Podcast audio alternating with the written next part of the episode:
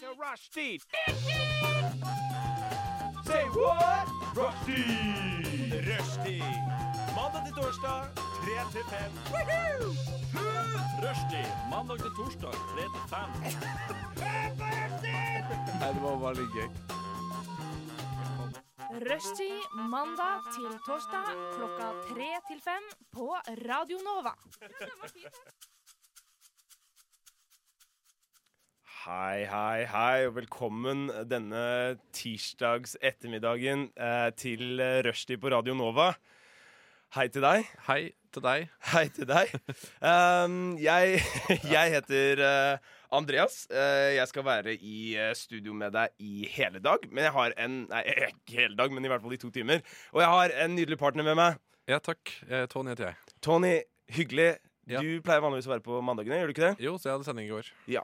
Så da er jo lytteren allerede godt kjent med deg. Forhåpentligvis. Forhåpentligvis. eh, så er jeg kjendis. Forhåpentligvis. En dag. Hva, hva er det første du gjør når du blir kjendis? Eh, det er å bli sammen med en annen kjendis. Ja, ikke sant? Uten tvil. Har du, har du liksom hatt har du, Nå skal ikke jeg liksom spørre deg om det spesifikt, da, men liksom, har, du, har du liksom sånn Å, hvis jeg blir kjendis, så er den kjendisen. Det, det kommer litt an på hvor kjendis jeg blir. For det er liksom, Hvis jeg blir megakjendis, Jennifer Lawrence. Uh, hvis jeg Oi. blir eh, rikskjendis, kanskje jeg vet ikke, Ingvild Bratland. Rikskjendis. ja, det er veldig bra. Um, lokalkjendiser kommer vi faktisk til å komme litt tilbake til i løpet av sendingen. Mm. Um, for det er jo sånn at du har et par ting du skal gjøre. Ja, det brenner litt. Eh, Det brenner litt. Uh, og den får vi slokket ved at du uh, hopper ut, og jeg fortsetter sendinga da solo. Men vi har en del ting lina opp, og der kommer, vi skal snakke om gatemat. Og der, der kommer en del sånn rikshelter inn, da. Ah. Så jeg håper jo du får lytta til det. da mens Er, du er, det, pølse i pølsevaffel? Uh, Det kan veldig gjerne hende. Forresten, Umami, en sending på, på Radio Nova, skal jo snakke med Haraldsvafler. Ja, ja Han er jo en form for selv, en form for lokal gatemathelt. Lo lokal helt. Ja. Bringe gatematen til Norge. Um, unnskyld, vi skal snakke om uh, gatemat. Vi skal ta for oss uh, litt sånn her uh, Litt sånn treningsting. Um, vi skal snakke om traktorer. Det blir kjempespennende. Gleder meg. Ja, Vi skal ta for oss en liten audiotest for å høre om lytter klarer å høre forskjellen på to forskjellige ting som jeg skal snakke om siden. Så det er litt sånn Newton på NRK. Ja, ja, ja, ja. Det er det jeg ønsker. Det er det jeg ønsker at Rushdie skal være. Uh, vi skal ha litt grann, uh, throwbacks. Jeg har funnet uh, Eller jeg har tatt et dypdykk ned i et par arkiver og funnet fram noe virvar. Litt tulletall. Mhm. Eh, og så skal vi Jo, jeg skal lese en liten uh, historie som jeg fant på nett, som jeg syns var søren, altså. genial. Fullpakka sending. Det er en fullpakka sending. Uh, og med fullpakka sendinger kommer uh, bra musikk.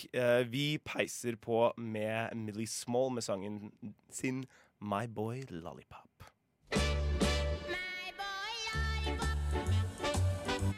Ja, ja, ja. Millie Small med sangen My Boy Lollipop. Og Det er jo umulig ikke å bli i godt humør. ja, ikke sant? Det er uh, Albumartet til den er faktisk eh, NRK sin egen utgitte album eh, med, med hjarta på rette stand. på rette stand Ja. Um, så Klassik. Ja, klassikk. Så du noen gang på Med hjertet på rett stand? Eh, om jeg gjorde, ja. Ja. Jeg satt på puffen hjemme og så på det. Så på gringras! Eh, eh, Første møte med nynorsk i teksten. ja, var det det? Ja. Ja, for no, det, alt var teksta på nynorsk, var det det? Ja, det var jo det. Ja. Og det heter jo Med hjertet på rett staden. Ja. Ja, ikke sant? Herregud, det, er, ser meg rett i ansiktet, og så klarer jeg ikke å øh, forutsi det. Eh, Det bringer oss videre til eh, et spørsmål som jeg gjerne, å spørre deg om. Eh, vi er jo blitt på en måte litt sånn viderekommende i livet, kan vi si. Ja, vi, vi er på vei mot høsten. Ja, I, ja. I livets høst. Å ja, livets høst. Ja. Riktig. Ja, Men høst er etter sommer. Ja. Da dør vi nå snart, da. Ja. Da er vi over halvveis. Ja, ja med, med den nye folkehelseministeren så gjør vi det. Ja, da gjør vi kanskje det. Hva, eh, fortell meg, hva er det? Ja, Sylvi Listhaug sa at folk bør få lov til å røyke, drikke og spise rødt kjøtt. Så da kan vi, da kan vi dø med god samvittighet. Er hun helseminister nå? Hun ble det visst det. Visst Wow! det. Ja. Og så sier hun det? ja. Altså, det, Så klart skal de få lov, men det er jo kanskje ikke noe som burde ikke, komme fra helseminister. Det burde ikke oppfordres til, i hvert fall. Det burde ikke oppfordres til. Helt riktig. Men du røyker jo ikke, Tony? Nei. Nei, Jeg snusser, uh, så takk, Sylvi, for at jeg får lov. Men ja, men det var en fin låt. Radio Vinyl. Ja, men Merker du at du er noe eldre? Jeg mener du kan si at du har sett ja, eh, jeg, hø jeg hører på radio vinyl. Det er jo en ting som oh, ja. har gjort meg eldre. Det var- Det var svaret ditt. Eh, nei, altså Jeg merker at jeg blir fyllesyk. Det, det ble jeg ikke før. Nei. F før i år, faktisk. Ja, riktig. Ja. En det, svir.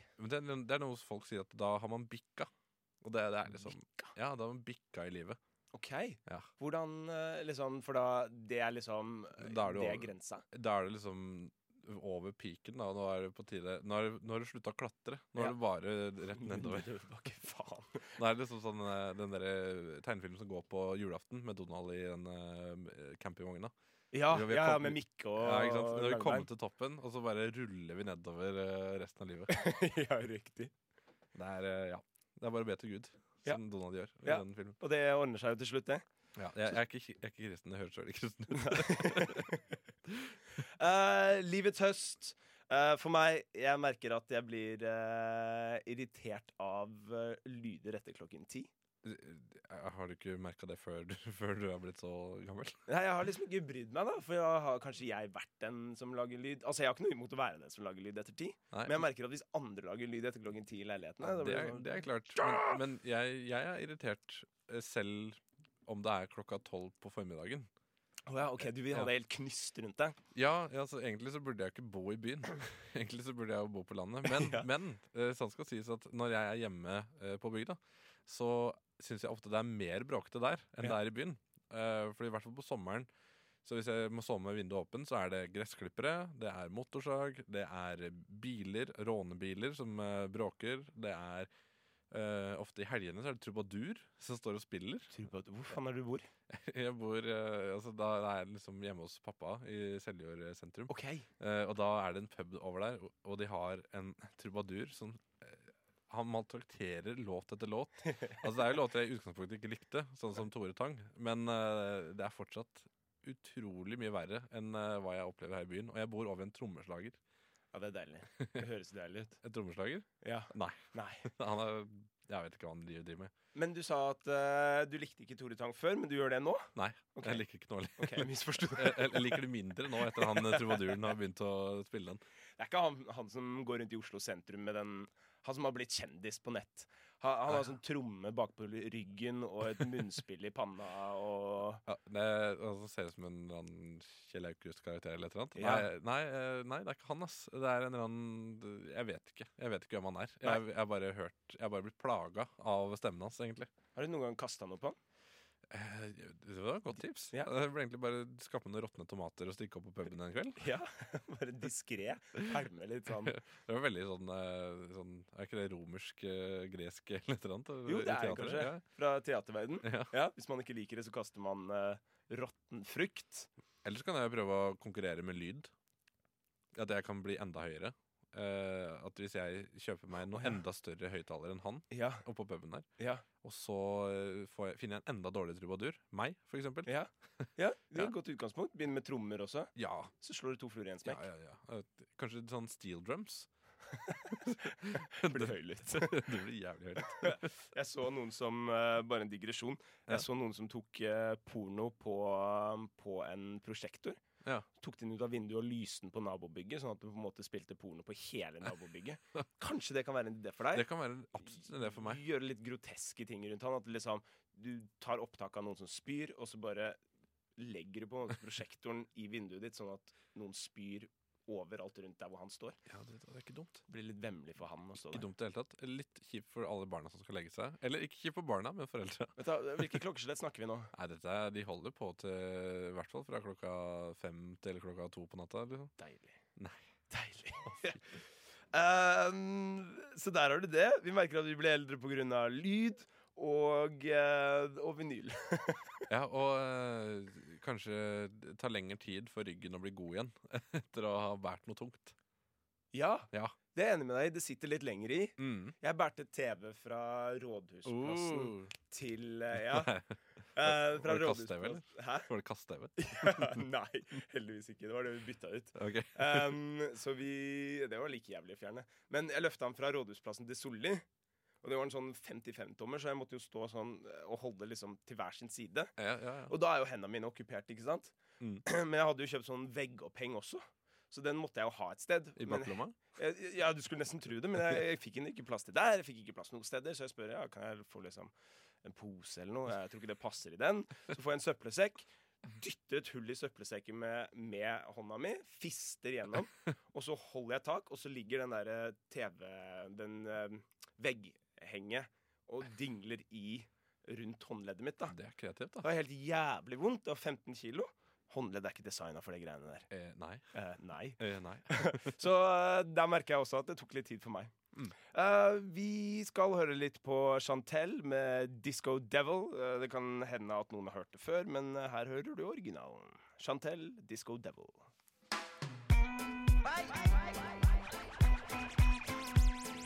Yes, det var Chantel med sangen deres 'Disco Devil'. Um, Disko med K. Disco med K, ja. Ja. Det er, eh, er ikke det norsk, da? Er det, jo, kanskje. Ja. Eller østeuropeisk. Disco. Det er østeuropeisk musikk. Så du har det. Det er Balkan. Ja. Um, som det egentlig skulle være Balkan spesial i dag, som jeg sa, men uh, vi valgte å stå over. Eller jeg valgte å stå over. Eh, klokt valg, vil kanskje onde tunger mene. Ja. Um, det er eh, noe jeg um, Altså, når man venter på buss, og man Mm. venter på en måte på at maten skal bli ferdig i mikrobølgeovnen eller hva som helst, så, så i hvert fall for min del så begynner jeg å leke liksom, noen sånne leker. Liksom, å, jeg skal klare det akkurat når jeg skal stoppe mikrobølgeovnen ett sekund før den er ferdig, sånn at jeg har laget maten, eller liksom Så det later som at mikroen er en bombe eh, som du må desarmere? Ja, for eksempel. Ja, okay. Eh, ikke den fasongen for meg, men, eh, men ja, typ. neste gang så er det Jack Bauer. Neste gang er det Jack Bauer. Ja, fra 24. Ja, riktig. Langtidskokt svineknoke i mikrobølgeovn.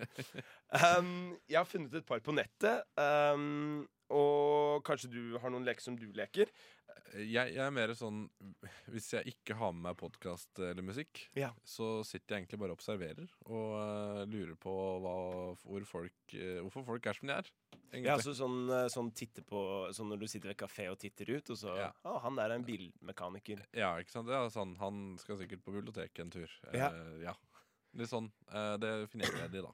Jeg tror man må liksom gjøre det, for da liksom Tankene må underholdes. Men jeg tror det ligger noe i det når folk sier at det er sunt å kjede seg. Fordi hjernen jobber jo mye. Ja. Ikke sant? Eh, Når du sitter og observerer folk og drar koblinger og bare Ja, han skal sikkert på biblioteket fordi han har den boka der, og jeg ser at den er sånn, og ja. ja du jobber mye, da, med hjernen. ja. Jeg tror det er kreativ øving, egentlig. Mm. Du merker jo det veldig Bare i går, ikke sant, så ligger jo jeg våken og bare kommer på masse ideer. Mm. uh, I senga, for da har man jo ikke noe annet å gjøre. I, er det ingenting annet å gjøre i senga? Ja, det er masse annet å gjøre i senga. Kan runke, Ja. kan lese bok. Åh, kanskje på en gang. Ja, kanskje podkast samtidig som ja. du leser bok og runker. Og Rushdie får du tilgjengelig på podkast, forresten. Ja, det Til alle som lytter. Um, men um, Men ja, jeg tenker alltid at jeg skal skrive ned ideene mine, men jeg gjør jo aldri det. Nei. Um, noen av de lekene som jeg har funnet på, uh, eller som jeg har funnet på nettet, um, er- ting som jeg relaterer meg til. Uh, spesielt den første jeg fant. Og det er å leke sånn apoka uh, apokalypse på bussen. I forhold til at når du er på bussen, så må du tenke deg at alle de som er på bussen nå, ville jeg overlevd hvis liksom verden gikk under og det var bare oss igjen. Ok. Hvordan funker det? Nei, Da må du gjøre liksom en sånn blanding av det du tenkte. Liksom. Han der må være bilmekaniker, og han går dit for å gjøre dette her. ikke Ja, så sånn rollespill? Ja, Ja. Så du liksom ser å, han der har en skrutrekker i bukselomma. Greit, han er sikkert eh, en eh, elektriker. Han kunne hjulpet oss med dette her og dette her og dette her. ikke sant? Eh, Ellers har han vært på Olsson og kjøpt en skrutrekker for han ikke hadde en hjemme. Det kan godt hende. Fordi han er en, en, en elektriker uten skrutrekker. Ja. Um, så og så hver gang liksom bussen stopper på et nytt sted, så går folk av, folk kommer på. Mm. Og så reevaluerer du liksom situasjonen. Er vi sterkere nå, eller er vi svakere nå som vi har mista, mista en person? Ja, det er liksom, eh, så det blir på en måte Hver gang bussen stopper, blir det som en ny sesong av Walking Dead. Ja, ja, ja. Så, så, så hvis du skal langt, så, er, så kan du nesten komme deg opp til dagens uh, sesong. Ja, altså 20-bussen, så er det sånn 20 sesonger, da, kanskje? Ja, det blir det da. Ja, ja. Jeg vet ikke hvor mange jeg stoppet av på 20-bussen. Men, det, men den går sykt langt. Den, den går langt.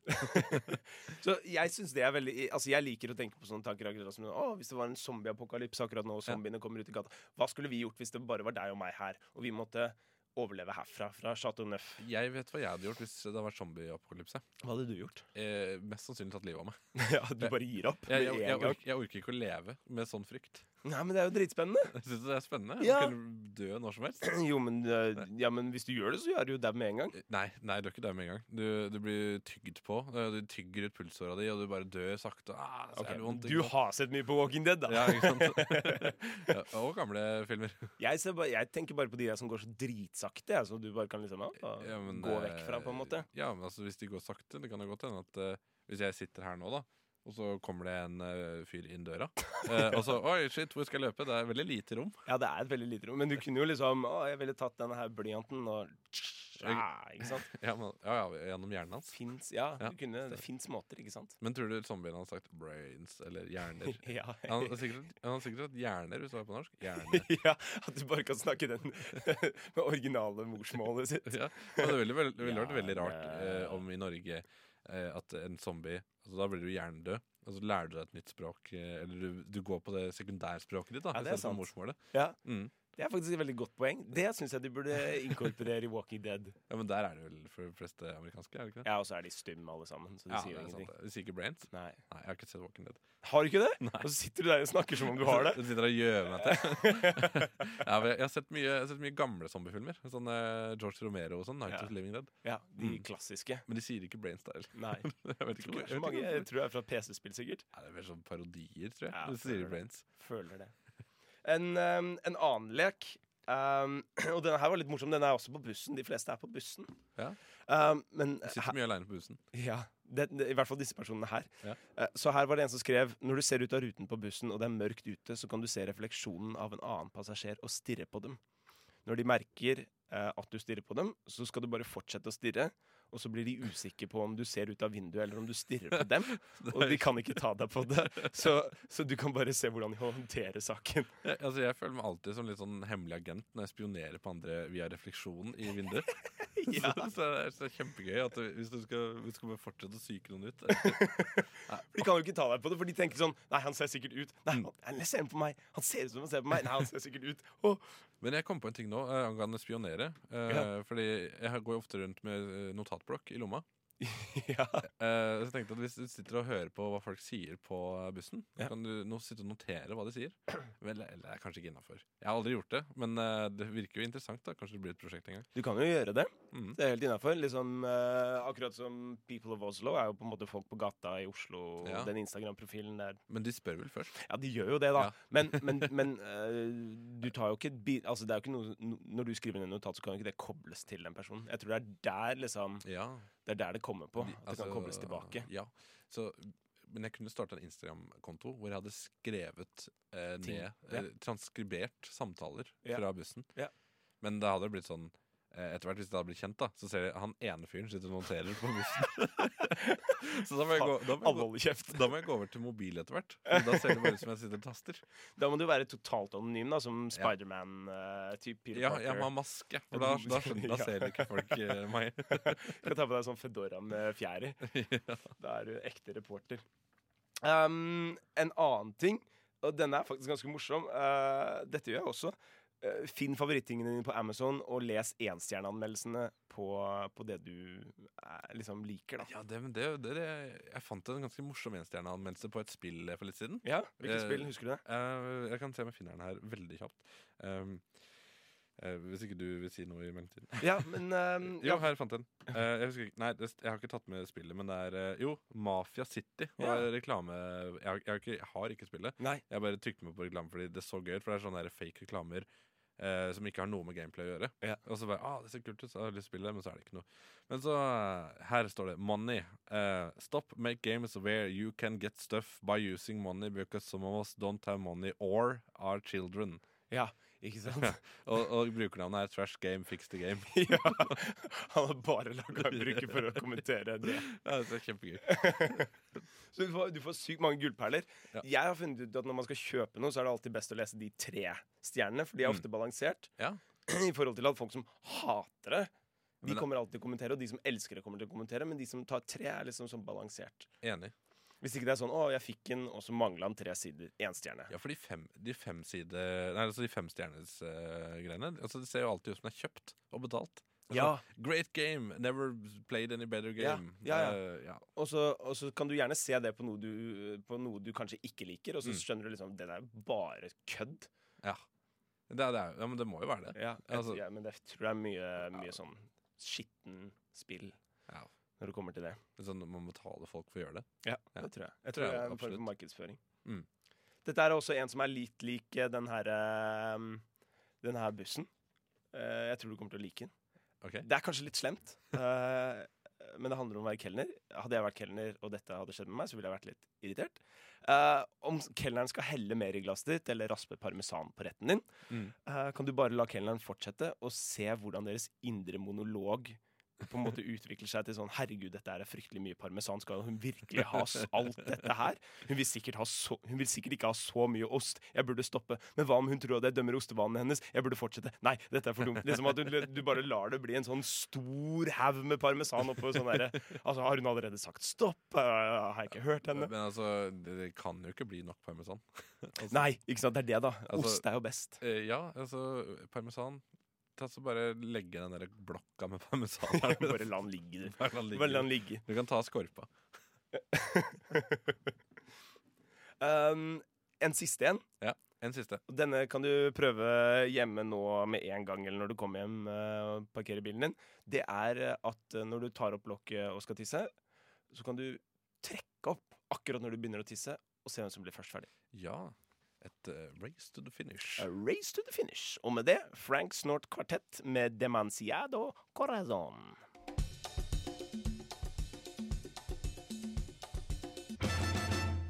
Frank Snort uh, Kvartett med sangen deres Dema, Demasiado Corazon. Og de spiller hver søndag. Hver forbanna søndag på blå. Ja, er ikke det gratis òg? Det er gratis òg.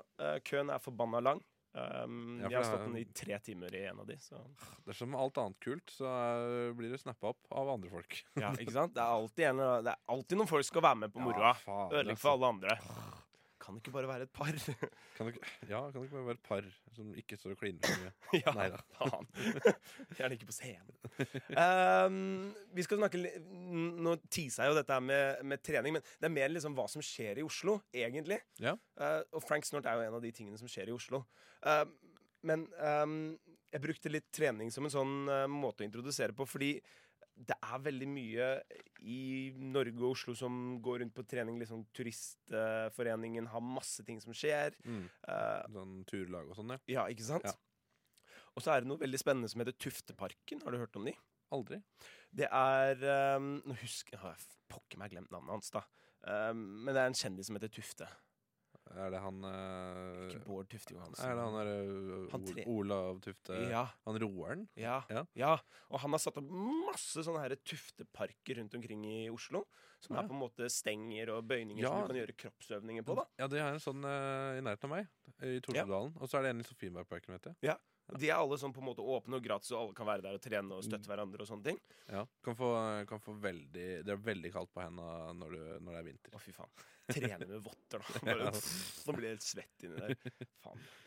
Prøv med gummihansker og svette. Det er helt jævlig. Ehm, så, så på en måte det er veldig mye man kan gjøre i Oslo som har med, med trening og fysisk aktivitet å gjøre. Mm, ja.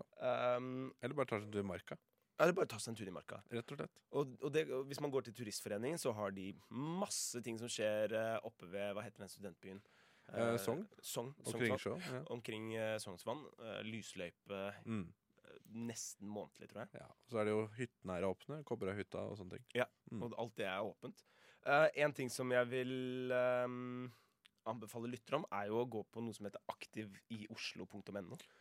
Ja, Har du vært der? eh, jeg har det. Ja. Eh, jeg lurer på om Har ikke de Nei, det er ikke de som har en app. Det er ut.no, tenker jeg på. Ut.no? Ja, Der kan, får du en oversikt over turløyper. Ja, så søren, den har jeg faktisk. Ja, den, eh, det er veldig bra. Så får du en GPS-kart om hvor du er, og hvor løypene er i forhold til deg sjøl. Ja, og hvor vanskelig de er. De er far fargekoda. Og, og på vinteren så kan du se om de er Nei, det er vel Skiforeningen, så kan du se om de er måka og sånn. Ok, det er jo dødskjekt. Og preppa. Det var ut.no. Ja, men eh, akkurat det med skiløyper tror jeg er fra Skiforeningen. Ja. Har du, Grunnen til at jeg var på aktiv i Oslo, er jo fordi jeg syns at Oslo er en litt for stor by i forhold til å vite hva som skjer overalt rundt omkring. Ja. Eh, Det er litt vanskelig å velge. Ja, for jeg, jeg, jeg har på en måte holdt på med eh, baseball. Amerikanske ja. Hva heter det på engelsk? Hjelp meg. Slåball er det? Slåball heter det på på det er norsk. fall. norske variasjonen. Men uansett, da, likt. Uh, og basket og sånne ting som det. Ja. Og da kan man ofte finne Kurvball. Kurvball, ja. jeg tror det er det det heter. Jeg tror det faktisk skal være erkenorsk. ja. um, og der kan man liksom finne sånne ting, da. Ja. Uh, og der finner man også kor også, for, for så vidt. Mm. Gjør du noen sånn fritidsaktiviteter på sida? Radio Nova. Radio Nova? Ja, men det er, det er, det er kjempestort. Jeg tror, eh, jeg tror det til og med er der. På Aktiv i Oslo. Det kan jeg jo tenke meg at det er. Tro. Ja, det er jo en aktivitet, det òg. Vi snakka jo litt uh, akkurat mens Frank Snort spilte, uh, om at uh, jeg har et ønske om å starte et basketlag. For det syns jeg var litt mangelvare når jeg søkte på Aktiv i Oslo og fant ikke helt liksom sånn et Mm. nybegynnerlag. Vanskelig som 25 år over å egentlig begynne ny som et eller annet. Ja, det, det virker litt som Det virker jo litt som at de prøver å få opp et eh, profesjonelt basketmiljø i Norge nå. Ja, gjør de det? Ja, eh, hvert fall sånn jeg Ikke si det, jeg blir stressa. nei, nei, nei, altså, sikkert at du skal gjøre det, men jeg, jeg, tror, jeg tror det er noen få lag som spiller eh, profesjonelt, og så er det faktisk en jeg kjenner som driver en side som heter altomnba.no. Ja, så, som dekker litt eh, både i utlandet og i Norge. spennende. Mm, Alt om nba.no. ja, Kult. Det kan du sjekke ut. Skal jeg ta og sjekke ut. Jeg følger jo med på en del ehm, På en del sånn um, kamper online, men da må man på en måte betale en fee og sånne ting. Så det er fint å ha en nettside som snakker om det. Mm. Jeg holder med Lakers. Ja, jeg, vet ikke. Jeg, jeg, liker, jeg liker Space Jam. Space Jam, det er dritbra. Så skulle jeg ønske at vi hadde Space Jam-sangen her. Come on and slam. Um, men, men i forhold til det, da siden vi allikevel snakker om basketball, Ja. eh, så hadde jeg tenkt å ta en sånn shameless plug. uh, og så si liksom sånn Hvis dere har lyst til å være med på basketlag som er for nybegynnere, absolutt nybegynnere, jeg kan så vidt kaste en ball, jeg har kasta litt, uh, så kan dere ta kontakt med min private uh, kontaktnettverk. Telefonnummer, som er 938 39499. Det er 938 39499. Uh, og vi skal bare spille på Løkka. Finne forskjellige steder å spille. Um, Det er basketballbane i Torshovparken. Er, det det? Ja. Så flott. Det er en på Solli også. Ja. Eh, det fins på en måte ganske Akkurat som vi snakka om, det fins ganske mye i Oslo. Det gjør det, altså. Eh, så ta kontakt. Uh, Tony, du hadde kanskje lyst til å ta kontakt? sa du? Eh, det kan jeg kanskje gjøre. Det var hyggelig, da er vi fire. For akkurat nå så er vi tre, og vi har én trener som har spilt litt, uh, lite grann, men han kan, han kan noen av de fete triksa som du ser i Space Jam. Jeg bare håper at jeg lærer å hoppe veldig høyt. Uh, og dunke. Ja, da må du, da må du vokse. Må du spise masse brokkoli. Ja, Men jeg er 1,89. Er ikke det Er du det? Ja, er ikke Er det, du 1,89? ja, er ikke det ganske Hæ? Ja. Jeg syns vi var jevne. Å, ja, ja, ja, ja. Shit, så du er høyere enn meg. OK, ja, men uh, lære deg å hoppe. Faen, det er noen som hopper dødshøyt. Jeg tror du kan lære det. ja, det er ikke vanskelig. Jo da. Så um, ta i hvert fall det um, for det du vil. Eh, jeg følger med på telefonen min og får det jeg får. Vil du si nummeret en gang til? 938-39499. Det er, man må si det på den måten, for hvis jeg sier det på noen annen Mm. måte, så klarer jeg ikke telefonnummeret mitt. Ja. Hva skal du nå, Tony? Du, nå skal jeg eh, gå, faktisk. og det, det, er, det er ikke noe jeg sier bare for å være radiogøy, men det er Jeg skal gå. Ja, du skal faktisk gå. Jeg skal gå. Så vi, eh, vi sier ha det til deg med Pigeon eh, John og sangen hans All Eyes On Me. Takk for at du vil komme til ditt talkshow. Dødshyggelig at du er her. Det er kjempedeilig. Så da er det bare meg og deg.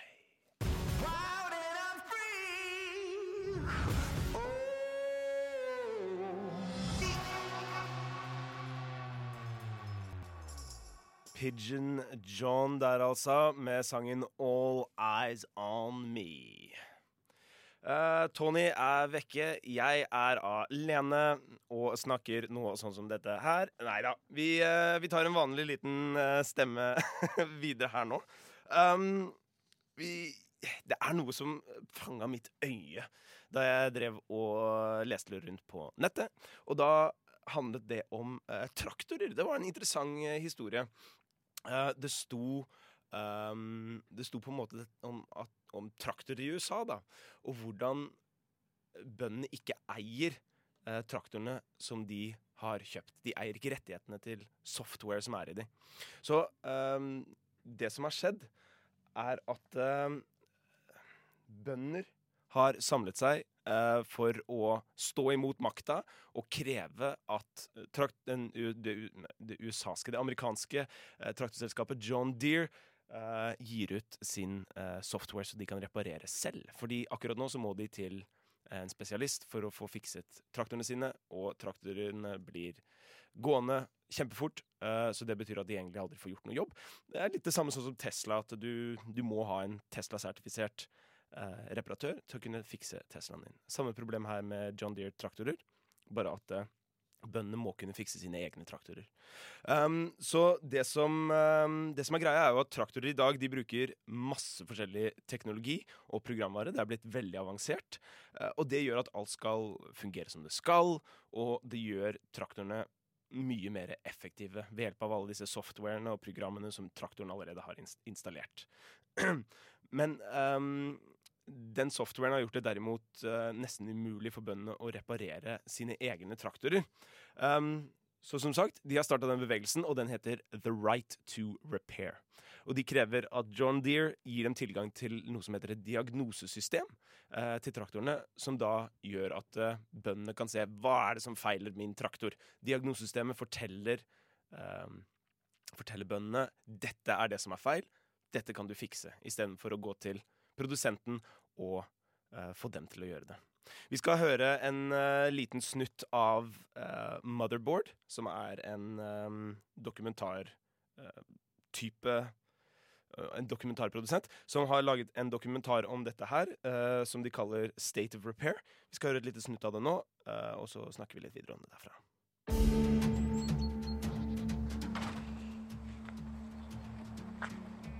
We're gonna hook uh, my laptop up to this combine and try to get codes out of it, I guess. I would say what I'm doing is hacking. Farms today use a tremendous amount of technology. DeerMates claims that you only really have the license to use their software. And for someone to say they own the software pretty much takes away the, the whole viability of the entire tractor or piece of equipment. The only person that can repair those tractors to a great extent is the dealership. I mean, look at the size of this machine. If I had to haul this thing 100 miles every time something went wrong with it, it'd cost a fortune. I mean, just to get it on a truck is a thousand bucks, and by the time you get it hauled somewhere and get it hauled back, you're two grand into fixing something maybe relatively minor. What we've had developed is essentially a monopoly on repair.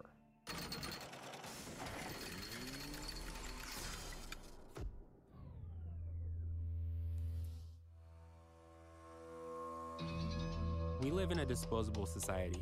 When our technology breaks, we replace it. But the art of repair is still practiced by a select few in our tech obsessed culture. Tractors are the workhorses of agriculture.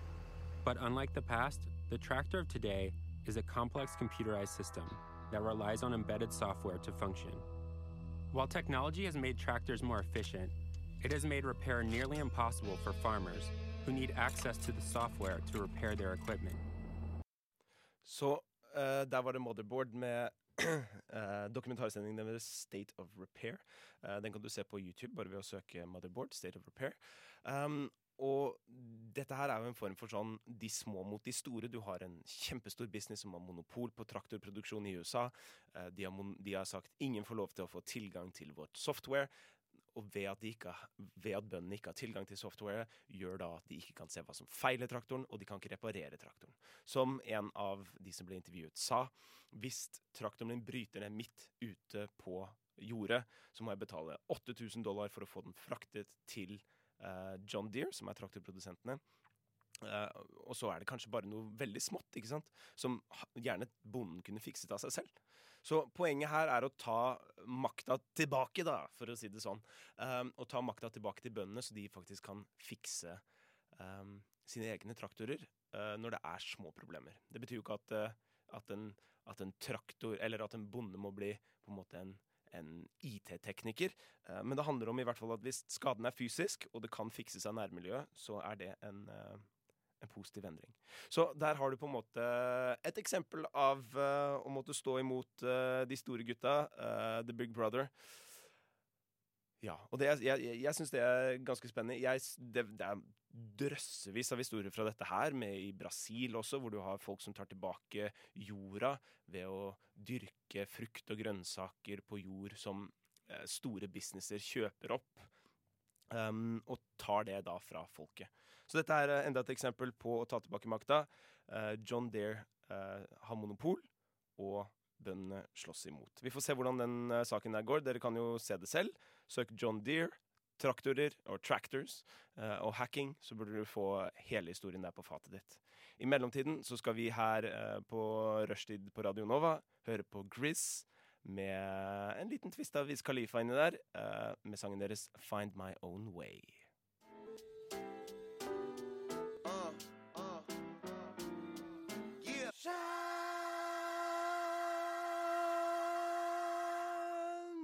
Oi, oi, oi, oi, jeg er dårlig i stemmen, ass. Jeg har blitt litt sjuk, men det høres for, forhåpentligvis OK ut. Um, vi skal prøve et lite eksperiment her i studio. Uh, vi har uh, vi, skal, vi skal gjøre et lite eksperiment på deg der hjemme også. Lytt ekstra godt uh, til. Det vi skal teste, er nemlig om vi kan høre forskjellen på varmt og kaldt vann. Jeg lurer på om du klarer å fortelle meg hvilken av uh, Hvilken av disse to testene er varmt, og hvilken som er kaldt vann. Uh, og så skal vi se om du klarer det. Så vi begynner med første prøve. Jeg skal helle fra denne uh, vannkaraffelen, uh, som skal da gå inn i denne koppen. Og så får vi se om dere klarer å høre forskjellen. Et sekund. Så skal jeg bare, Det er litt stuk her. Sånn. Sette mikrofonen ordentlig godt på. Der står den helt perfekt. Så må vi bare ta og finne fram til riktig ting. Lytt godt etter. Er dette varmt, eller er det kaldt?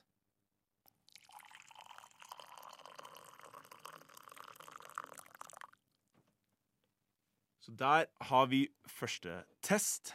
Nå kommer test nummer to.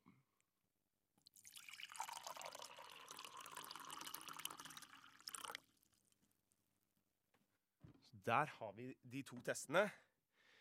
Eller de to forskjellige lydklippa. Vi gjør det live i studio. We'll do it live. Så um, spørsmålet da er Og dette må du svare på selv, for det er vanskelig for meg å kommunisere med dere. Men klarte du å høre forskjellen på Eller klarte du å høre hvilken som var varm og hvilken som var kaldt vann? Um, de fleste pleier ofte å kunne treffe riktig på den. Jeg håper dere husket uh, forskjellen. Um, I hvert fall fra den første. Så den første hellinga, for å gi dere riktig svar den første, uh, det første jeg helte, det var varmt vann. Det andre, det var kaldt vann. Uh, og hvis du hørte forskjellen, så kan jeg gi deg grunnen, og det er fordi vann er viskøs. Altså at vann har en form for tykkelse. Når du, har, når du legger til noe varmt noe, så blir den mye tykkere, og når, den, når, du, når det er kaldt, så blir den litt sånn Den blir ikke like tykk, da. Den blir mer rennete. Og det er det som skjer også med vannet. Et uh, visuelt eksempel på dette her er f.eks. hvis du heller honning. Honning som er varmt, renner mye mer enn honning som er kaldt. Dette kan du legge merke til neste gang du heller honning i teen din, i kaffen din, eller hvor enn du heller honningen. Så legg merke til det. Det er en, en likhet mellom det, en visuell likhet. Så måten som vann fyller opp en kopp, hvordan den spruter og flyter omkring, den er påvirket av den tykkelsen på vannet. Det som er interessant, hvis du klarte å, å, å høre forskjellen, det er jo at uh, dette her er ikke noe du på en måte er klar over at man kanskje kan. Uh, kanskje du har hørt dette eksperimentet tidligere, og da vet du det allerede. Men, men, hvis du klarte å høre forskjellen, så er det fordi du har opparbeidet deg en livstid erfaring av å høre varme og kalde drikker som blir helt i en kopp. Det er altså noe du intuitivt vet, selv om du kanskje ikke er klar over det. Og det er en form for audioillusjon som um, Eller ikke en audioillusjon, da, for du, du, har jo helt rett, uh, men en form for audioeffekt. Og, og, viser også styrken av hjernen til å kunne huske ting og lære seg ting som den kanskje ikke nødvendigvis er bevisst på. Hvis du, hvis du er, interessert i mer audioillusjon, og også for å vise kraften av hjernen til å kunne forutsi hvor ting er i rommet i forhold til lyd, så kan jeg anbefale deg å prøve noe som heter VR Barbershop. Uh, og da burde du bruke headset. Jeg kunne ikke bruke den på radioen, fordi jeg kan ikke garantere at dere har på dere headset. Um, hvis du hører det fra, fra, fra radioen din, uh, i bilen vil det kanskje funke, men hvis du hører på dette hjemme, så vil det ikke funke så bra. Prøv VR Barbershop, søk på YouTube, sett på deg headset, lukk øya og lytt etter. Um, det er ganske interessant. Um, så forhåpentligvis, without further ado, um, så peiser vi på med en liten sang etter det eksperimentet. Deilig å slappe av etter at vi har tenkt så hardt. Vi begynner med Royal Deluxe med Get That Feeling. Yes, yes, yes. Det var um, Det var først uh, Royal Deluxe med sangen deres Get That Feeling. Og vi avsluttet med Part of Stellage All Night. Um, jeg skjønte at det var noe som eh, gikk litt galt under eh, eksperimentet vårt tidligere. Eh, hvis vi får tid, så skal vi prøve å få gjort det en gang til. Ikke noe jeg kan love. Men um, hvis du har lyst til å høre mer om det, så kan du sikkert finne flere folk på nettet som har gjort lignende eksperimenter med forskjellen, og man kan høre forskjellen på varmt og kaldt vann. Så sjekk gjerne det ut om du kan, og hvis ikke, så prøver vi igjen her på lufta på rushtid på Radio Nova. Um, jeg skjønte at det var litt uh, lavt der også. Det, um, vi skal ta for oss um, en liten sak om Notre-Dame. Mandag klokken 18.50 15. april kom de første meldingene om at Notre-Dame-katedralen i Paris sto i brann. Innen en time hadde kirkespiret kollapset, og hele taket sto i fyr. I ettertid så har eh, universiteter og privatpersoner stått i kø for å betale for reparasjonene, samt donasjoner fra offentligheten. Det vi hører i bakgrunnen her, det er parisere som har samlet seg utenfor resten av Notre-Dame for å synge hymner. De samlet seg etter at brannen var slukket, sto foran mens brannmennene sto foran dem, mellom dem og den nå slukkede brannen, og sang hymner. Det var eh, et eh, stort, stort monument som har eh, brent ned, og det har påvirket alle i Frankrike. Det var et skjært monument. Og min franske venninne har syntes det var utrolig trist. Hun Vi ringtes, og hun måtte jo på en måte lette litt på det, for det er liksom en form for Eller det er en emo emosjonell tilknytning til et historisk bygg som har vært en del av eh, bykjernen deres. eh, ja, så lenge noen der i Frankrike, eller i Paris, unnskyld, eh, kan huske. Spekulasjonene har jo vært at brannen var startet pga. den pågående renovasjonen som var rundt katedralen, og at det var et uhell. Som gjerne ofte skjer på nettet, så kommenterer jo folk dette her. Og en av de tingene som, som sto litt ut, som, som muntrer opp situasjonen lite grann, er jo at eh, en fyr bemerket seg at det er ironisk at bygget var konstruert på 1100-tallet og har stått trygt frem til i år, for så, bryn- for så å begynne å brenne i en tid der vi har brannalarmer og avanserte sikkerhetssystemer for å skjerme mot nettopp dette. Um, ja, det er jo litt uh, ironisk, men eh, det er vel også da sånn at vi har fått elektrisitet nå. Det hadde vi vel ikke på 1100-tallet. Eh, og med det så medfører jo større eh, risiko. Jeg er ikke helt sikre på hva som forårsaket det, men eh, det kan jo hende at det kan ha vært elektrisitet. Uansett så var heldigvis mye av inventaret i Notre-Dame eh, flyttet da renovasjonene var eh, under pågang. Eh, stein, steinstrukturen av, eh, av eh, katedralen står der jo fortsatt. Um, noe lignende skjedde jo i Brasil med nasjonalmuseet deres. Eh, da var ikke inventaret reddet. Eh, da, pågikk det jo ingen form for renovasjon, så det var jo ingen grunn til å flytte noe på det. Men der manglet det jo brannalarmsystemer og sikkerhetssystemer for å skjerme mot brann. Eh, jeg vil også si at jeg merket meg på Google Maps at det var ei, eh, ei dame som var på besøk i Notre-Dame under tiden da det brant. Og hun eh, ga, som vi snakket om tidligere, en enstjerneanmeldelse til Notre-Dame fordi, og nå siterer jeg, 'It is burning'. Dårlig smak, kanskje. Um, så om det var vits å kommentere, det veit jeg ikke. Um, men um, men brann i Notre-Dame er noe som påvirker alle. Og som alle sammen også støtter opp under. Jeg mener eh, det er en, et universitet som heter Notre-Dame universitet i, i USA, som har begynt å sende penger hele, over hele verden for å gi donasjon til eh, Notre-Dame-kirken. Uh, så det er jo veldig, det er en veldig fin tanke. Vi skal høre på en fransk sang av uh, Ben L'Oncle. Ta det litt rolig. Her kommer Ben L'Oncle med sangen hans Soul Man.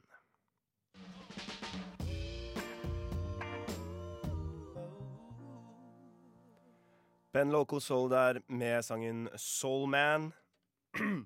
Fransk artist. Veldig poppis der.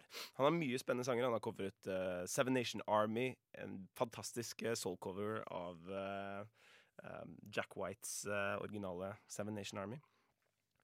Ha, du kan godt sette deg ned i en godstol hvis du står rundt omkring. ta og Sett opp volumet litt på radioen din hvis du kjører bil. Um, sett på headphonesa dine hvis du kan, hvis du uh, er på PC-en. Uh, vi skal ta en liten um, Jeg skal lese Dette blir engelsk, da. Men um, jeg skal lese en liten writing prompt, for det er en ganske interessant nettside hvor folk legger ut uh, noe som heter writing prompts. måter å få folk til å begynne å skrive på. Så man gir en situasjon, og så kan tilfeldige folk på nettet legge eller skrive en historie.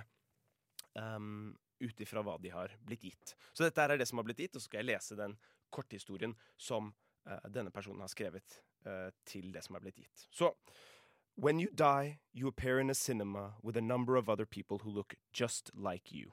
You find out that they are your previous reincarnations, and, and soon you all begin watching your next life on the big screen. så du, eh, når du dør, så ender du opp i en kino. Det er mange folk som ser akkurat like ut som deg, og du finner ut at de er tidligere versjoner av deg. Og når du setter deg da ned, så fortsetter du å se filmen til ditt neste liv. Så her kommer historien. Dette her er av en fyr som heter uh, Rarely Funny. Hvis du har lyst på flere sånne historier som dette, her, så går du til uh, på Reddit og så søker du på 'writing prompts'. Uh, og da finner du flere. Dette her er en fyr som heter Rarely Funny, som sagt. Og dette er historien han har skrevet. Oi, oi, oi. Det var bråkete. Once I had traveled with my schoolmates to the Royal Albert Hall in London. It struck me then as cavernous, almost as if the architect had been t- had taken a traditional gladiator's arena, slapped a dome over it, then filled it with the winding domino string of seats in concentric circles. Four stories of seats, all tilted slightly to face the stage. Easily four, five thousand people sitting enraptured by, mu- by the musical landscapes evoked by the symphony. This theater I was now in was easily five, six times that size. I couldn't be sure because there were no edges which I could perceive without my vision starting to swim. Welcome, welcome, boomed a voice from the stage. The spotlight swiveled to where I was standing, ba- bathing me in golden luminescence. A warm welcome for Gary Hanley, please. As you all have seen, he has lived a long and fruitful life, yielding in the end only to old age, a peaceful end, if you will. I didn't know how to react to the entire audience suddenly rising to their feet and clapping as one for me. I was a schoolteacher in my life. I was used to combative classrooms, and certainly not once had my students ever thought of showering such appreciation for me. I waved weakly in response. And now for the result Gary Hanley will be going to Team Blue. The groans from the half of the theater, from half the theater, were drowned out only by the rapturous cheer from the rest. Confetti spilled from the rafters, and I found myself being led down from the stage along the aisles. Along the way, other apparent team members stretched out their hands, and I high fived as many as I could. I collapsed into my seat, and finally, the spotlights deserted me. I soaked in the relative darkness for a while, glad the attention was off me.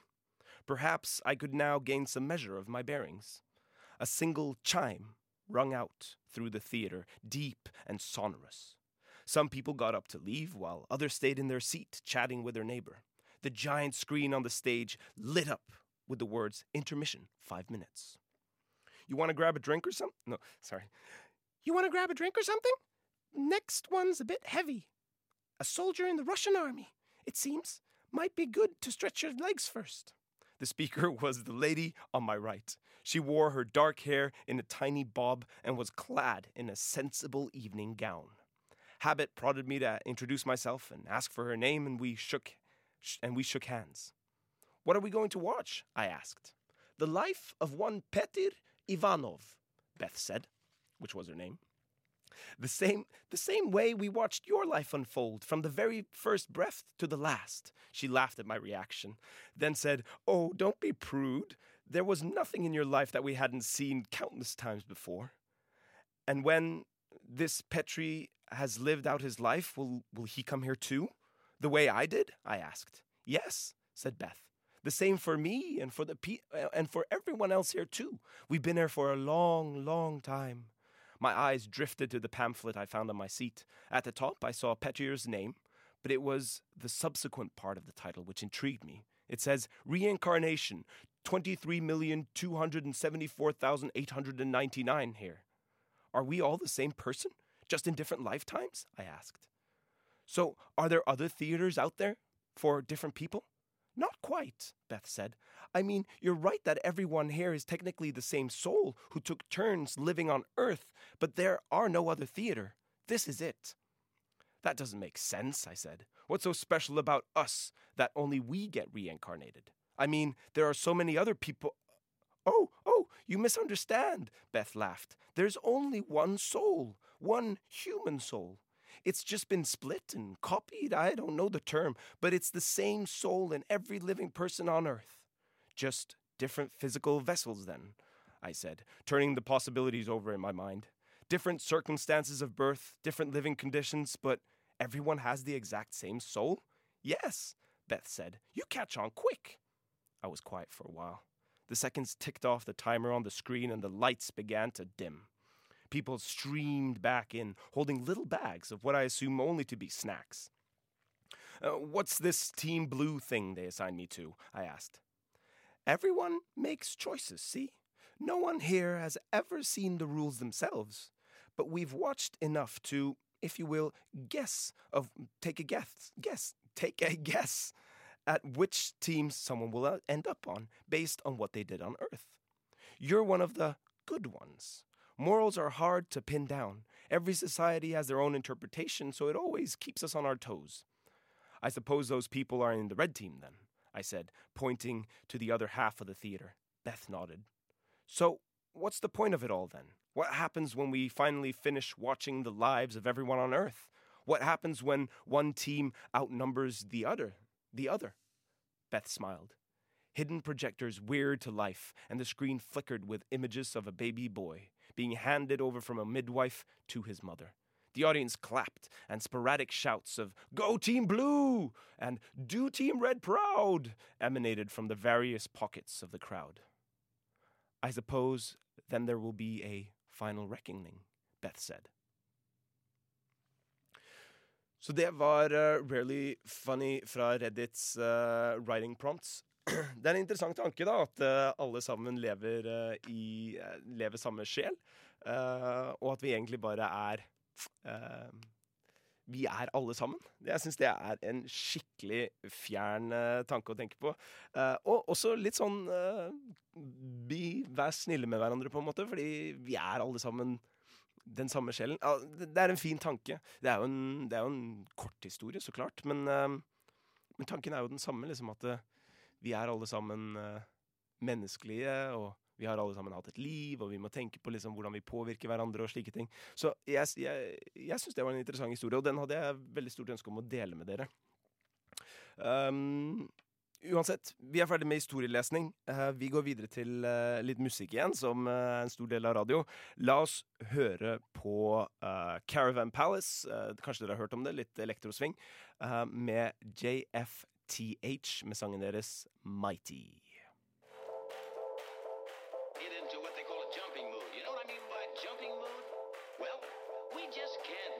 Velkommen tilbake til Rushdie her på Radio Nova. Um, vi begynte med å høre på uh, Caravan Palace uh, featuring JFTH med sangen deres Mighty. Og vi avsluttet der med The Electric Swing Circus med sangen deres Empire. Vi har kommet litt uh, til uh, den uh, throwback-sendingen som jeg snakket om tidligere. Um, fordi da jeg romsterte på datamaskinen her om dagen, så fant jeg et gammelt klipp av en radiosending jeg lagde før jeg begynte i Radio Nova. Jeg har alltid elsket radio, og, jeg likte å lage små snutter og musikkmikser som jeg kunne gi til venner og slike ting som det. Eh, de av dere som kanskje ikke Nå skal vi jo høre på det, det klippet som jeg har funnet. Uh, og de av dere som ikke kjenner igjen den åpningssangen, uh, eller de av dere som kjenner den igjen, sen- kjenner sikkert igjen sangen fra uh, Ricky Morty, TV-serien som gikk, men med en spesiell liten remix-twist. Jeg bestemte, jeg bestemte meg for å kalle sendingen Earth Radio, for det er det de snakker om på sangen. Og det skulle være litt sånn spesiell musikk som lytteren aldri hadde hørt på. Akkurat som om Akkurat som om på en måte lytteren er aliens. Jeg vet det er fjernt, men, men musikken skulle på en måte være litt sånn ja, alien til dem, da. Eh, Det ligner litt på et program som het Lydmuren, som jeg var med på tidligere, som også hadde fokus på på rar, eller litt sånn spesiell musikk som man ikke vanligvis har hørt, hørt på. da. Uh, mikrofonen uh, som jeg bruker, den bruker jeg hjemme. Den kjøpte jeg for å lage sendinger og for å ta opp uh, musikkvokaler til en sang. Til, en, ja, til musikk som jeg lager sammen med kompisen min. Da. Han spiller gitar, forresten.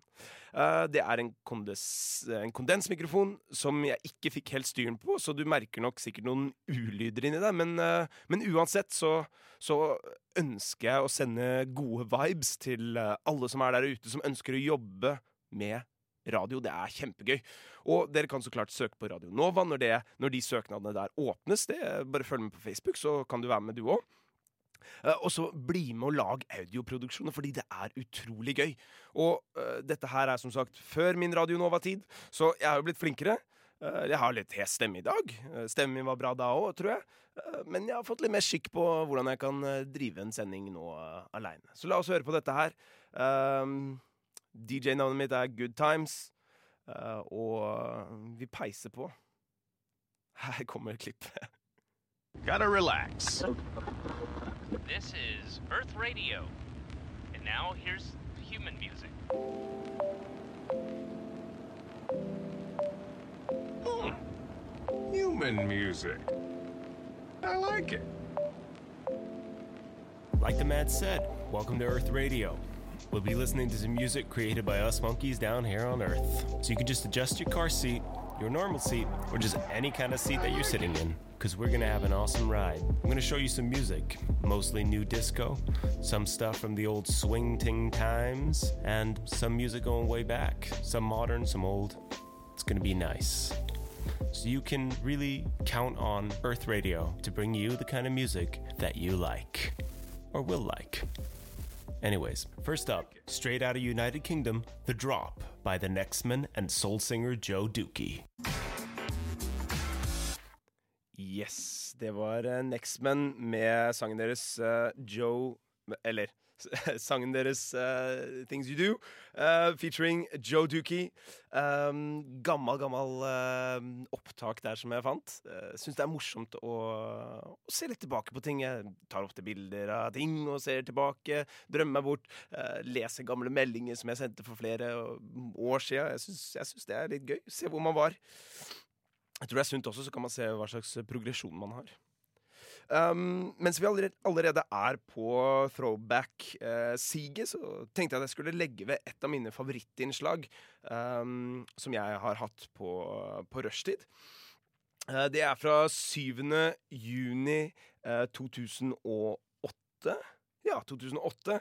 Um, og det er den siste sendingen uh, før vi tok uh, sommerferie. Det var uh, den siste, siste sendingen av mitt første semester i Radio Nova. Og det er så fullt kjør i studio, med en skrekkelig god stemning. Teamet i rushtid er helt fabelaktig. Og, og her snakker vi om, om, om universet. Så Team i Rushdie er fabelaktig, og det er dette her også.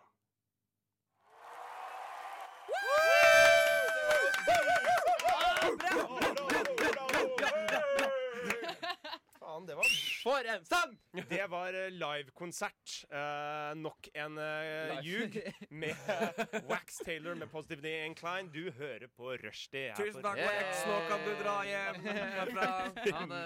ja, ha det. Ha det, gutta. Eh, vi snakka jo om eh, Jeg tisa det litt. Um, Flink. Ja. Uh, om uh, universet. Og det er én sånn Det var et bilde jeg så her om dagen som eh, handlet om The Pillar of Creation. som er en, en stjernesky langt ute i verdensrommet. 7500 lysår unna. Mm. Nå har jo er dere fått sett bildene. Ja. Hva vil dere si at det ligner litt på? Jeg vil si at det ligner på en mørk, skyete hånd. Som ser ut som noe som kunne vært i sånn verdens undergang-film. Ja. Som en sånn svart hånd som spiser alt som liksom Jeg kommer over. Ja. Ja, helt. Mm, det er min Jeg syns det så ut som en flokk erigerte peniser. Jeg var litt samme bane som Potet. Potet og potato. Ja. Ikke sant? Ikke Jeg var litt samme som bane som Magnus. Å si en trehodet Kall du meg. Magnus? ja, trehodet dildo. Uh, dette her er jo verken trehodet dildo, penis eller hånd. Det er jo en stjernesky hvor um, det blir skapt nye stjerner hele tiden. Det er derfor det heter Pillars of Creation. Og den er, Pillars of den creation. er så langt borte. Jeg anbefaler alle som lytter til nå, å søke på Pillars of Creation. NASA har lagt ut et helt fantastisk bilde der. Jeg, Jeg trodde du skulle si jeg vil anbefale alle våre lyttere til å dra og se Mhm. på dette. Jeg. Hadde jeg hatt Ja, ja. muligheten. Ta på deg en vest og stikk dit. Det er bare 7500 lysår unna. Hva kalte du det? Pillars of Creation. Mm. Utrolig fint bilde. Um, det som er litt kult, er at uh, den minste lille fingeren her som dere ser Mm. Mm. det, Som sagt, det var tre fingre. Den minste er tre lysår langt. Jeg er skjønner, ikke, jeg skjønner ikke de begrepene helt. Hvor mye er ett lysår, da? At du Et lysår er lengden eh, Et lys. lyset bruker på på, på å gå Kjøre, holdt jeg på å si. Hvis du skrur på en lommelykt, da, så venter du ett år, så har lyset fra lommelykten nådd har reist i ett år. Ja. Okay. Og lysets hastighet er veldig kjapt. Jeg husker ikke hvor kjapt. men det skal jeg finne. 315 000 km i sekundet. Bra, Andreas. Høy! Bra. Ja. Herlighet. Så her er vi forberedt, altså. lysår er langt, ass! Ja, det er i sekundene. Så det er bare sånn der, Det er helt sånn eksplosjon hvor liksom sinnssykt langt vekke det er, og at vi kan se det så langt At vi liksom kan se på det herfra. Jeg syns det er drøyt. Har dere noe Har dere liksom noe relasjon til universet? Har dere sett Interstellar? Har dere liksom Ja, ja, ja, ja, ja, ja, ja, jeg har sett Jeg tvinger det på dere. Ja, ja, ja, jeg har sett Interstellar, vet du. Lever i universet, jeg, faktisk. Ja, du lever faktisk i universet, du. Så kom hit og Din snakk om universet. Nei, vet du, jeg syns jeg får veldig panikk av sånne filmer. Ja. Rett og slett. Oh. Fordi jeg Jeg får helt klaustrofobi og, og sånn panikk eh, av bare tanken på å befinne meg ute i Er det liksom der. tanken om hvor stort alt er? Eh, Ja. Og at du bare er liksom ingenting Mm. Ja. i det hele store. Ja. Den ja. syns jeg er fin. nå Ja, det er jeg helt enig med deg. Liksom, hvor liksom, hvor, Hvor nytteløst det er at vi er Ja, sitter vet du her hva? studio det, er så, det er så rart når man tenker sånn. Ja. Det, det, det, da kommer den eksistensielle krisa bare Smygende. Ja, løpende, Ja. Broren til kjæresten min Han får noia hver gang han eh, setter seg og ser opp på en klar himmel. Han får noia av klar himmel. Mm. Hæ? At Han får liksom Han blir ganske stressa når det ikke er noen sky, for da føler han på en måte at han ser ut i uendeligheten. da Det er det, akkurat det han. Det er dypt, det har jeg aldri tenkt på. Han leser Knausgård og sånt, da. Ja. Ah. Han ble jo sterkt påvirket. Typisk. Nei, men jeg syns at Jeg tenkte fordi du, du sa dette i stad, uh, hva er universet? Mm. Og så tenkte jeg sånn mm, Hva er mine tanker om universet? Nei, det er mye og mangt og uforståelig og grusomt. Og fantastisk. Ja. Og så tenkte jeg en liten tanke, og den er sikkert blitt tenkt eh, mange ganger før meg, men jeg slo meg sånn Hei, vi lever her. Og Mm. planeten er oss, og dette solsystemet er liksom Vi mennesker er liksom på toppen av næringsstigen og bla, bla, bla. Ikke sant? Hva hvis det fins liksom e- et solsystem for hver Mm. art som finnes? Sånn at det er en annen art som, hvor det er sjø... Hva heter det? Stjerner. Sjø- Sjøpølse. Sjøpølse. Er toppen av er den dominerende Ja. art Ja, ja, ja. Bra, Kaja. Alle har, ikke sant? For det er så stort uendelig, så Ja. Ikke sant? Det var tanken min, da. Ja, bra tanke. Ja. Hvis det finnes uendelige dimensjoner, så Mm, kan vel det mm. kanskje være Da er vel Ja. det helt er- sikkert en Det er mulighet. helt sikkert eh, absolutt sånn Og da tenker liksom sjøpølsa der, i det universet der, så tenker, eller det er jo samme univers, men samme, i det solsystemet der, så tenker de at wow, herregud, Men, ja, ja. hva skjer med alle disse duste artene, liksom? Ja, Mennesker, liksom. ja. Spytter på mennesker. Og du tenker pøl- sjøpølsen har oppdaget oss? At de veit om oss? Nei, nei, jeg Nei, tenker bare at vi altså, lever jo også sjø, på den planeten. sjøpelsene er på en måte oss, da. Ja, de har, eh, den de har lagd seg Ja. ubåter og Romfartøyer. Yes. Ja, ja, ja. ja. det var min tanke, da. ja, ja. Hvordan ser Jeg den lurer, hvordan, jeg lurer på hvordan en satellitt ser ut. En satellitt designa av sjøpølse ser ut. Eller liksom bussen. Er det en sånn, sånn halvslapp greie som kommer liksom Hvis du klemmer, så spruter det vann ut av den. Ja. Altså, dere tenker at alt i, i sjøpølseverden er sjøpølseformet? Nei, men altså, jeg tenker jo de, altså, Det er ikke sånn sjøpølsene at dette glasset er menneskeformet? Selv om Nei, det er menneske. men det er, det er menneskeskapt. Oh, ja, ja, ja. Jeg lurer på hvordan eh, sjøpølseskapte ting uh, blir ja. designa. Den industrielle sjøpølserevolusjonen. Hvordan den så ut? Ja, for samfunnet tilpasses jo de som lever i det. Ja, hvordan er skjønnhetsidealet der? Hvordan, altså, hva er en, hva er en Hva er vakker sjøpølse? Du tar på deg litt tang og tar Og hvordan kommuniserer de, lurer jeg på. Det er litt, det er litt sånn De må bli klemt på av noen slaver som de har greid. Menneskeslavene. Ja. Nei! Og de tenker sikkert på oss også. Kanskje de lever akkurat nå i dette sekundet. Kanskje de sitter og spytter og spruter på studentradioen. Studio og sjøpølse B Ja, men da, da ser dere tankegangen min. Ja, Ja, jeg det er det. kjempegøy tanke. Ja. Absolutt. Det syns jeg var veldig morsomt. Og det er det er liksom Ingen kan si at det er umulig heller. For det er, man vet jo ikke. Nei. Nei, det er akkurat det! Det er akkurat det! Hvordan ser storverket til uh, sjøpølsenes Michelangelo ut? Hva er kunst? Ja, de, de syv underverker i sier- liksom. Og se for deg den enslige sjøfølelsen som sitter på et lite berg i sin verden og tenker hva er meningen? Ja, kontemplerer. og, sitter, og stiller de Ja, alle sjøpølsefilosofene oppe. Hadde sin sjøplaton. Nei. Ja, det er veldig bra. De store spørsmål. Oi, oi, oi. Det var et uh, fint lite eh, videregående der. Um, ja. Bra. Vi skal Vi putler oss litt uh, videre. Vi pølser oss i vei og hører på Og hører på Blende med Ricky, sangen deres. Uh, vi peiser på, vi.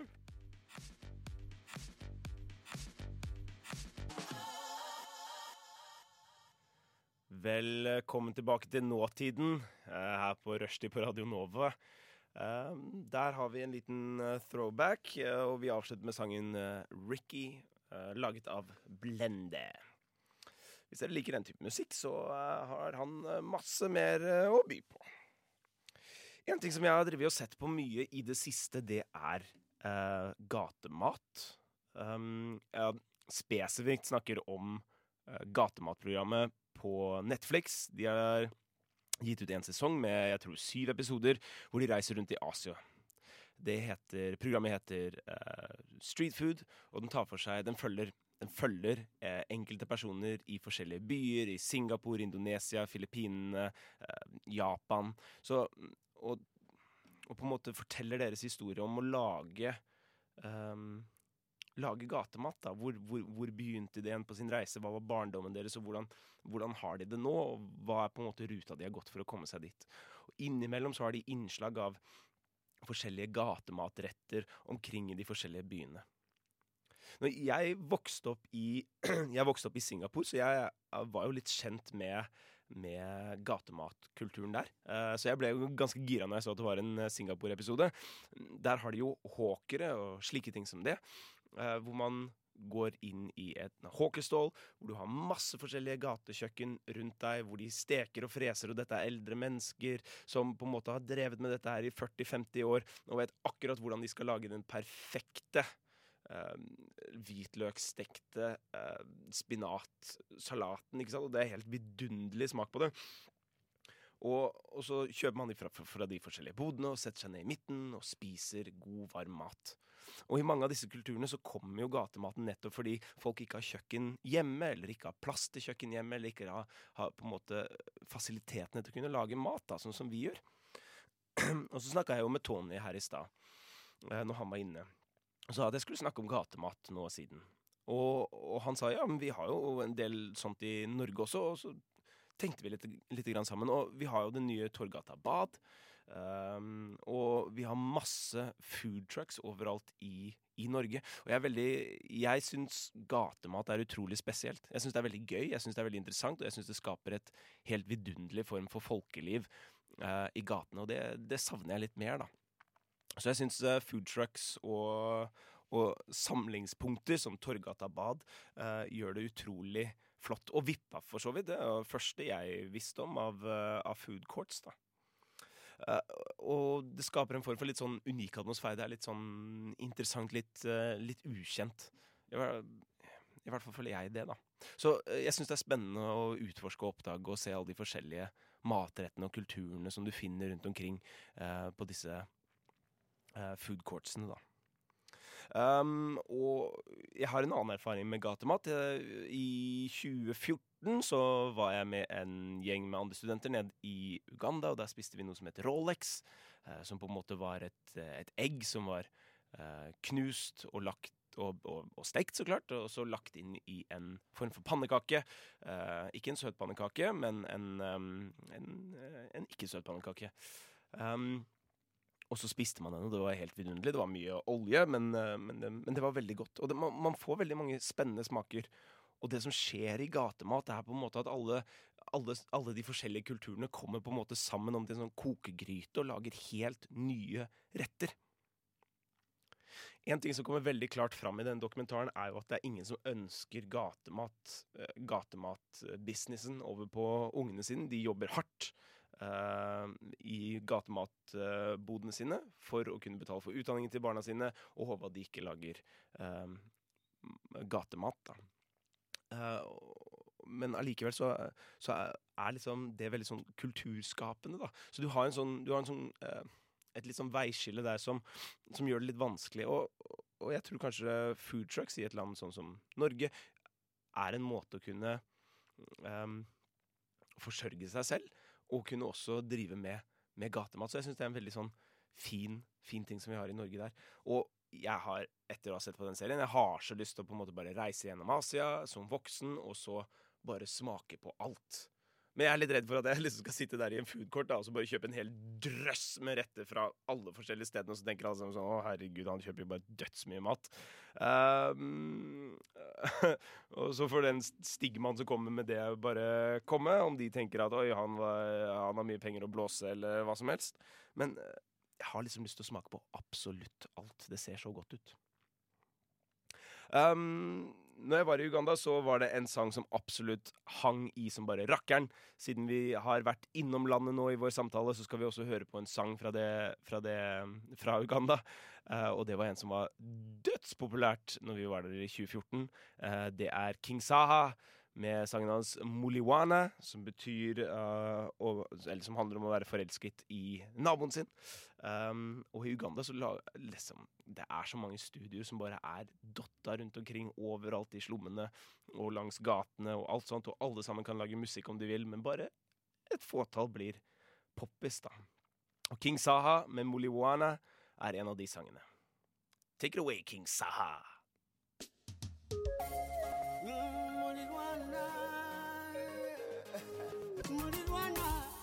King Saha der med sangen Muliwana. Kjempepoppis, var i hvert fall det, i Uganda på, på 2014-tallet. Um, det er sendingen vår for i dag. Tusen hjertelig takk til eh, Tony som var innom og sa hei. Um, og var med en god stund og var progressiv i sin tenkning. Det var kjempeflott. Uh, jeg syns det er veldig gøy å snakke med folk, så jeg er kjempeglad når folk kommer på besøk. Um, og takk til deg, lytter, som har uh, fulgt oss gjennom denne reisen og var med på throwbacksa, uh, som man blir litt nostalgisk av. Det er vel kanskje en av de tingene som uh, markerer at man har blitt litt uh, eldre, som jeg snakka med Tony om. Fint å komme på under sendingen. Vi avslutter i hvert fall med 'Glowing Vibrations' av Manganas Garden, som alltid. Og tusen takk. Dette har vært Rushdie på Radio Nova. Ha en fin dag videre.